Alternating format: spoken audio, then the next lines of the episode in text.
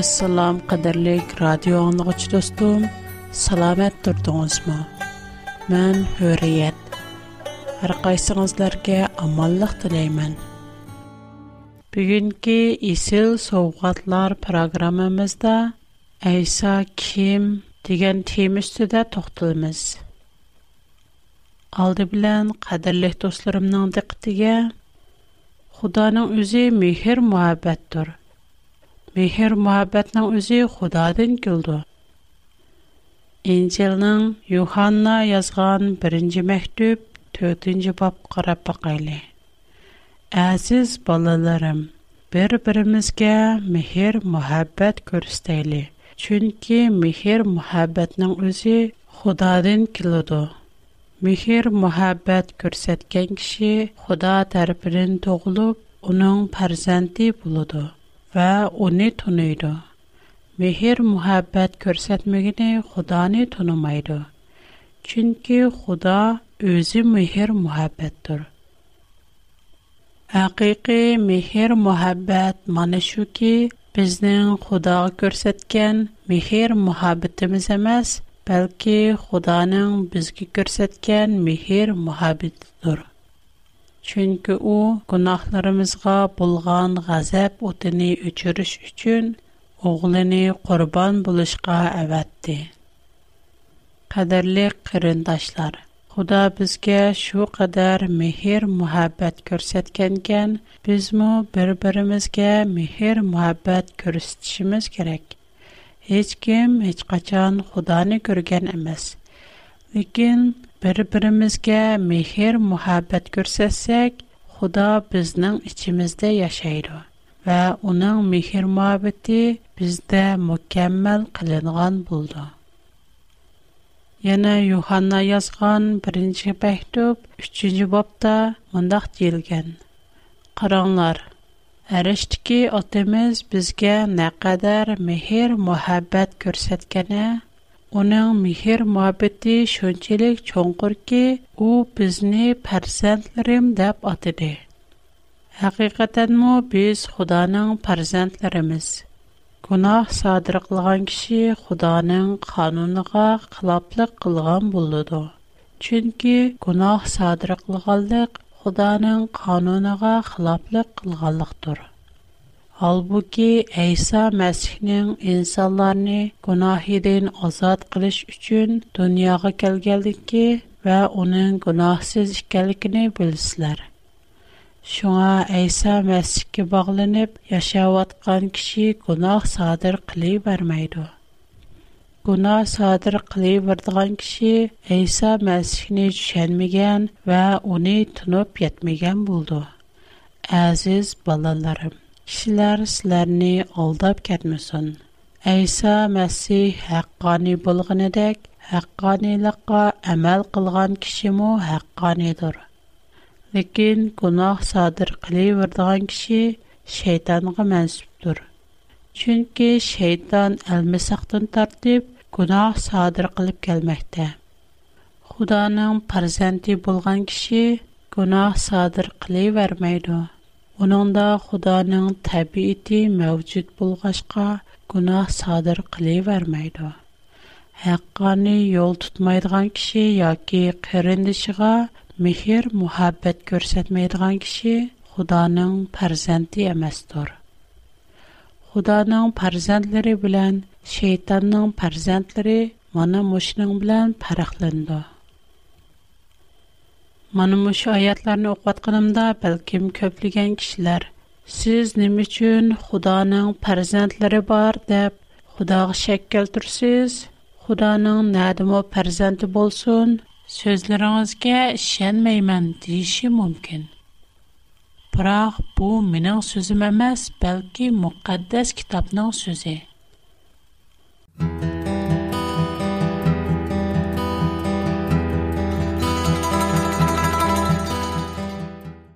agar biz mushu oyatga yaxshi diqqat qilib inishga tafsili tahlil qilsak bu oyatdan xudoning rostilla bolasi bor degan ma'no chiqmaydi agar birisi xudo ayolmi armu deb so'rasa uning o'zi shak keltirganlik shu savolni qo'ygan kishining o'zi xudoga shak keltirgan bo'ldi Әмма исемездә булсын ки, Худа һәммәне қылалайды. алайды. У халыса һәр қылды. эшне кылды. Әгәр у халыса нор шәкледә, ол шәкледә ва яки адам сиякыда күрсәтәләйды. Фақат у халыса. Яни у халыса өзінің бәндәләрене ya'ni o'zi yaratgan o'z quli bilan yaratgan odamlarni farzandlarim deb atyolaydi chunki u mehr muhabbat bo'lgan ekan bundaq atash Xudoning insonlarni haqiqiy so'ydiganligidan iborat eng yaqin munosabatni ifodalaydi. Agar bir yetim o'zining beshini silgan, o'ziga tamoq va kiyim bergan bir kishini otam deb otsa, Уның немия му не? Агер ашу киши ба шу итим балыни балам пэрзентим дап атса, у хата му? Уларны отырста ачқандах джинси джаяттын болған қириндашлих мунасивэт йоқ. Ама у шу итим балыга михри мухаббат көрістіп, уни балам дап аташни халған ікен, ондахта бу уның yana Худа o'zining bandalarini o'ziga iymon etganlarni farzandlarim deb atasa, buning uchun ko'p талаш tartish qilishning hech qanday ahamiyati yo'q.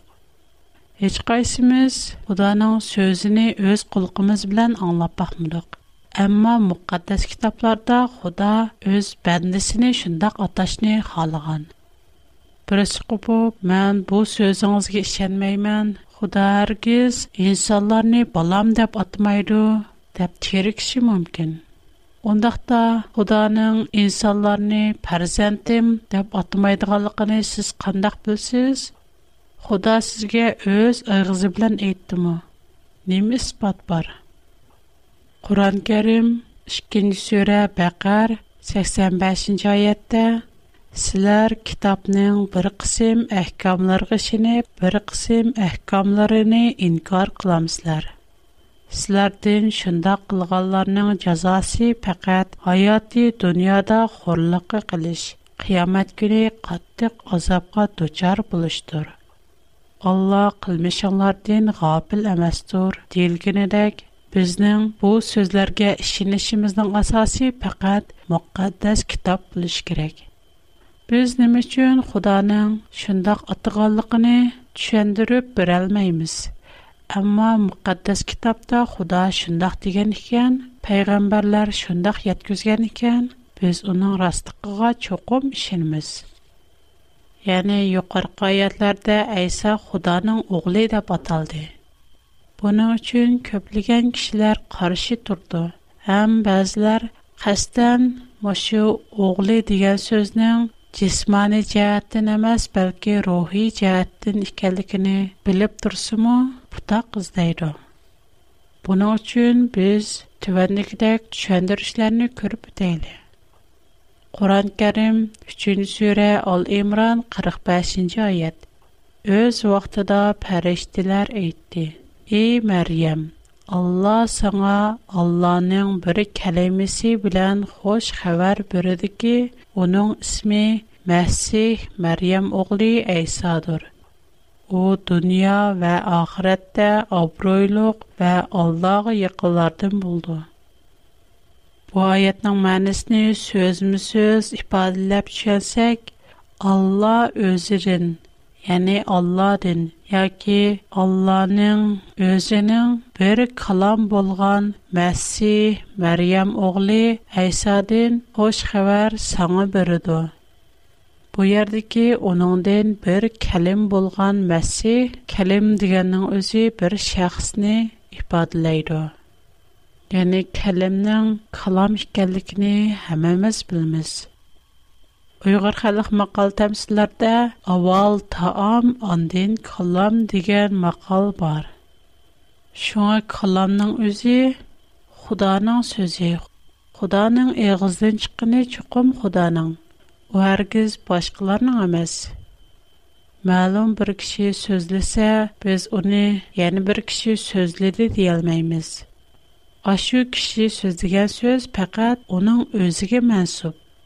Шындақ болганда Худаның иғыздан чыққыны, Худаның кәлемесі пәкәт Худағылы мәсіп. У Худадан келген. Оның тәбиеті му Худадек. Яны Құрандығы башқа аятлар. 4-нче сүре Ниса 171-нче аят. Мәсих Алладан келген бер рухтур. Мушиярда Аллаһтан келген бер рух. Аллаһның рухи бар дигән мәнә килеп чыкты. Ундакта Аллаһның рухи бармы? Әгәр мен Аллаһның рухи бар дисәм, сез янә каршы чыгышыгыз мөмкин. Бирок бу гапны мен эмас, бәлки Куран Кәримнең өзи шундак дәйдо. Аллаһның рухи бар дигән икән, ундакта чуқым Аллаһның рухи бар. əysəməsi Allahdan gələn ruh. Xudanın özüdən gəlgəni Xudağa mənsub. Xudadan gəlgəninin özü Xudadır. Şuna Xudanın kalamı məngü Xudadır. Xudanın ruhimu Xudadır. Məngülük və ölməzdir. Xudanın ruhi barmı? Мошаятки Алладын келген бір рух, яни Алланың рухи, буни қандақ чүнсіз. Каламның мәнісіні біз Инчилның Йоханна баян қылған қош хабар қысымы, бірінші бап тезілған муну аяттын көріп бақайлы. Хәмеден бұрын калам мәвжуд иди. О, худа білян білля иди. Хәм өзі худа Бу хайнат яртил дин Болла Худа белән билән билди. У аркылы барлык мавжудатлар яртилди.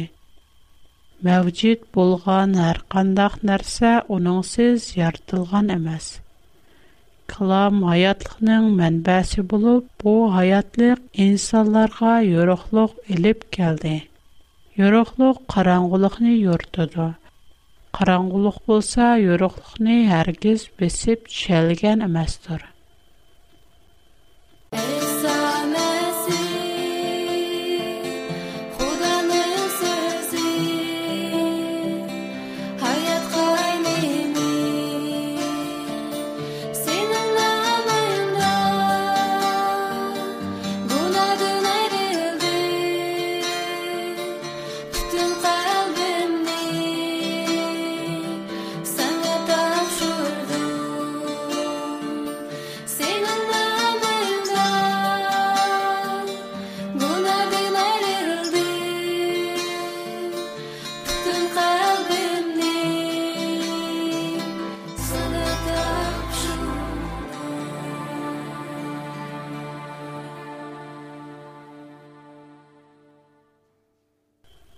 Мемез пелимиз Худа бер игъиз сөзи билан, бир калема сөзи билан, ягки Хулами билан бүткөл аламны яратқан.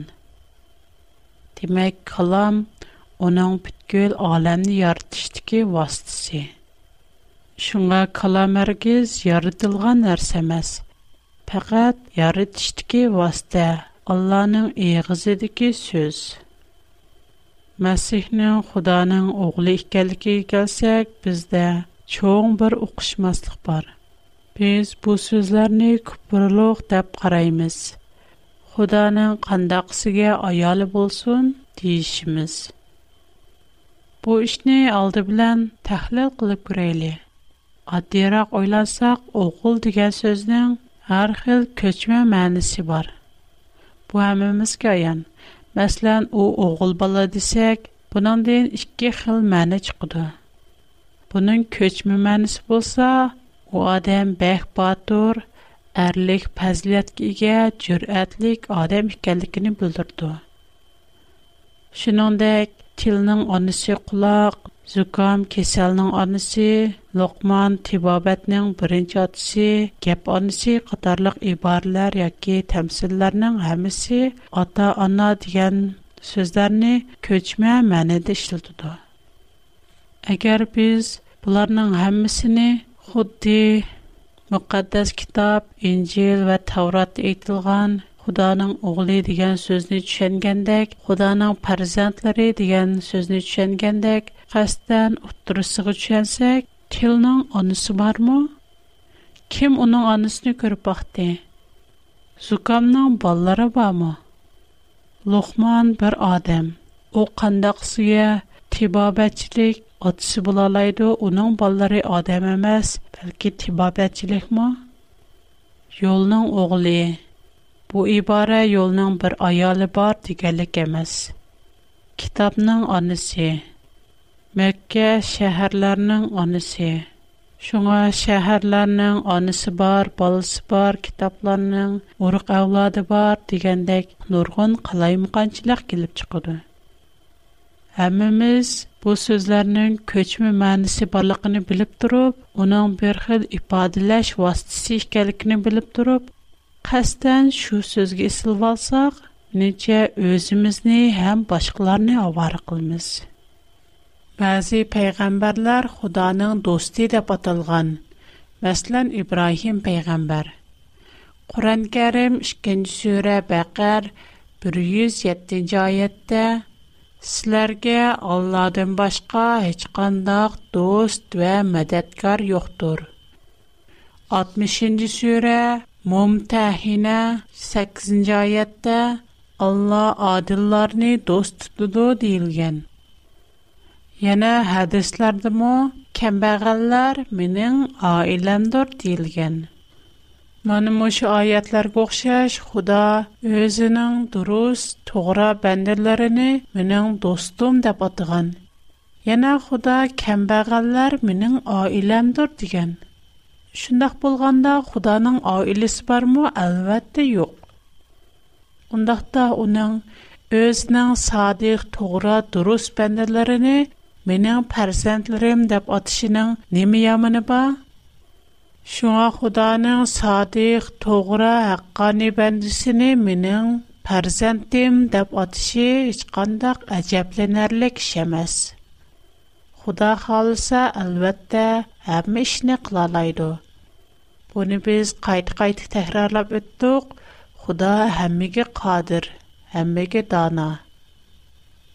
farzand va ota so'zining ko'chma ma'nida ekanligini bilib tursaqmi johillik bilan hargiz undoq atashqa bo'lmaydi xato deb turvolmiz o'ttiz to'qqizinchi sura zumar to'rtinchi oyatda nima deydi agar olloh bola tutishni xohlasa edi albatta maxluqot ichidan xohlaganni ixtiyor qiladi shundoq ekan xudo xohlasa insonlarni farzandlarim deb ataydi aysoning xudoning o'g'li deb atalganligi ajoyib ish emas xudo mo'min bandalarini farzandlarim degan alloh mehribon shafqatli emasmi burun bir necha do'stlarim tanish bilishlarim Сиз адамны Худаның образыда сүрәтдә дидегез дип катты айыплаган иде.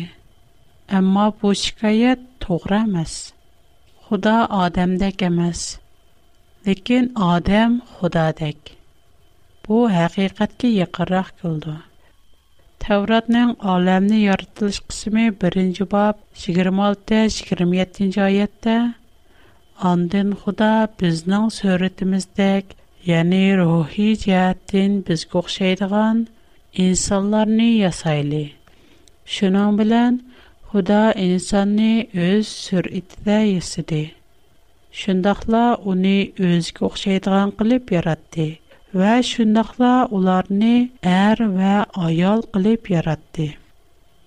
Адамна худана сүр итдий, яки әкси, яки сияқ іхкаліки доғрыстыки кәпсөз хали көп. Bunun mənası köp tərəfləmilik. Amma insan Xudanın əksi desəkmü, bu hərgiz Xudanın tini var yoki Xudanın cisman ikən digərlik emas. Adəmdə muhabbət bulalaydı. O xursan bulalaydı, adillıq qıldı, yaxşılıq qıldı. Mehribanlıqmı qılalaydı. Yəni çəklik qalda yaratalaydı. Yəni icad qılalaydı. Мушу жаһатлардан айтканда адам әсли Худаның сүрәтидә. Гунахның сәбәбидән әслидәге чирайлык, мукаммал сүрәт бормаланып кеткән. Gerçi Худаның сүрәте мәвҗүд булсымы, у әслидәге чирайлыклыгын юктып, пәксәтлешеп кеткән. Хәзрәт Әйсаның мукаммал адам булганлыгыга ишенмиз.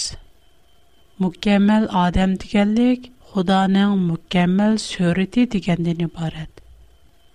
Шуңа у Инҗилнең Юханна баян кылган хуш хәбәр 14нче баб 9нче аятта "Мени күргән кеше Худа атамны күргән булыды" дигән.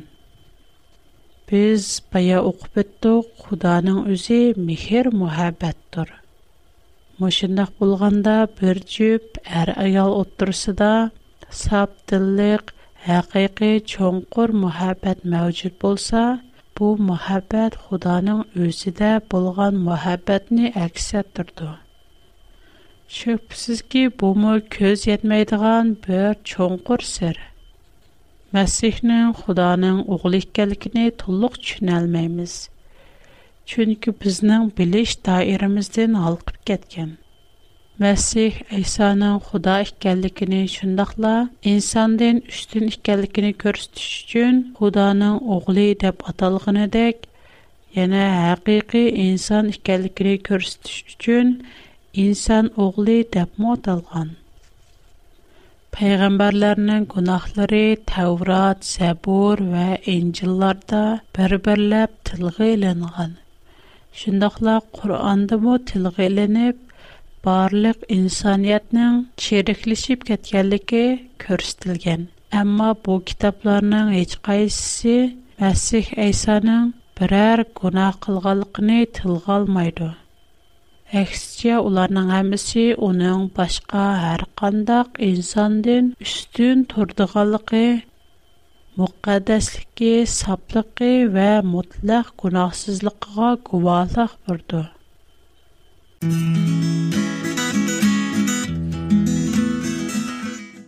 Һич кандак бер пайгамбар яки русул özенең канҗылык улыг булышыдан катенәзер һәргиз мо özне хаталыктан халиман диешкә петинен алымган.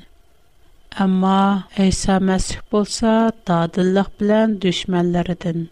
Кайсылар менән гунаһим барлыгыны испатлап бара Хақиқатны сөзлесем, ним үчүн маңа ишенмейсиләр?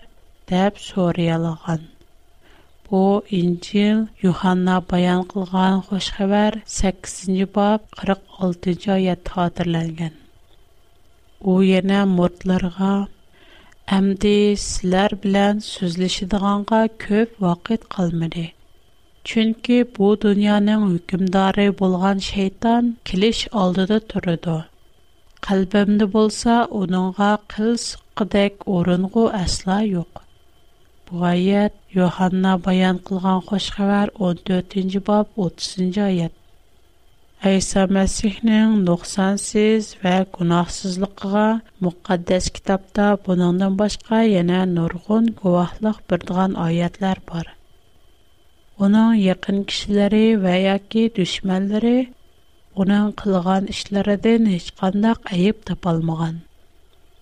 Ремле Квале Платос, Яһуди рәхбәрләренең Иса үстәдән чыгарган әризләренә тәкъшергендә, уныңдә һеч кандай айып тапалмаганлыгыне эйлан кылган. Вале Платос уңдан "Һақиқат дигән нимә?" дип сорады. Аң ден кин ташкарыга чыгып, ягъни көччиликнең алдыгы чыгып, Mən ден heç qandaq cinayət tapalmadım, dedi. İncil Yuhanna bayan qılğan xoş xəbər 18-ci bab 38-ci ayət. Platosunun ayali Gerçi o etiqadsız bolsunmu, məşu soç cəryanında yoldışığa. Aşu adil kişi bilən karınız bulmusun. Çünki onun səbəbindən Ахшам көрген чүшімдә цирк азаплар чекіпті мән, диген сөз нияд күзген.